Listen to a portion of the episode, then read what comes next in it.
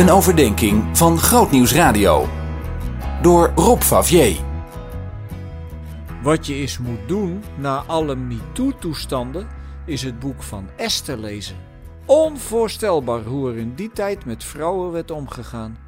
Die hadden echt een volledig andere positie dan tegenwoordig. Al zijn er nog steeds landen waar men vrouwen op deze manier wil behandelen. Maar in de serie Kinderen in de Bijbel kijken we vandaag naar de hoofdrolspeelster, Esther zelf dus.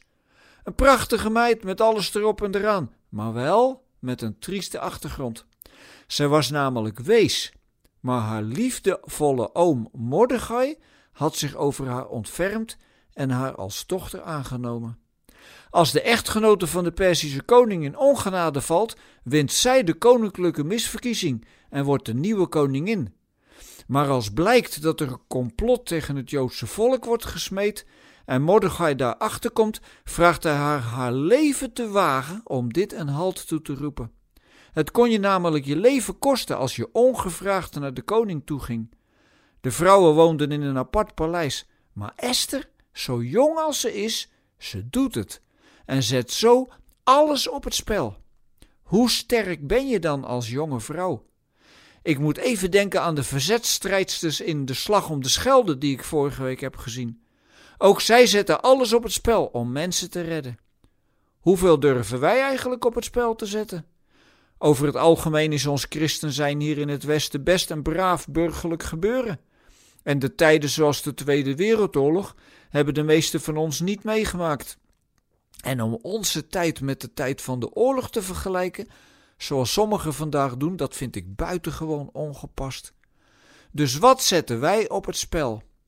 Nu hoef je de vervolging ook niet op te zoeken, maar het is wel eens goed om na te denken hoe ver je wilt gaan in naam van de liefde. Zet je je eigen stoerigheid op het spel, als je erkent dat je niet zo flink bent van binnen als dat je van buiten doet voorkomen? Of ga je uitgelachen worden omdat je Jezus wilt volgen? De liefde heeft soms grote consequenties. Zij brengt niet alleen maar verbondenheid, maar soms ook scheiding van geesten. En heel soms is er een oordeel verbonden aan de liefde. Heel soms. Ik zeg het met nadruk, want ik vind het vreselijk wat er op dit moment tussen christenen onderling gebeurt in verband met hun mening over de coronamaatregelen. Wat David de Vos over zich heen heeft gekregen, bijvoorbeeld, dat kun je toch niet rangschikken onder de noemer elkaar liefdevol vasthouden. Maar dat liefde in staat is tot veel meer dan je denkt, dat vind je dus in dat boek Esther. Dankzij haar opoffering blijft het Joodse volk in leven. Het had haar het leven kunnen kosten, net zoals Jezus.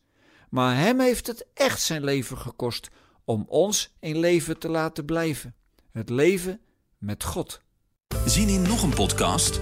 Luister naar Bij Jorike, de podcast via grootnieuwsradio.nl/podcast.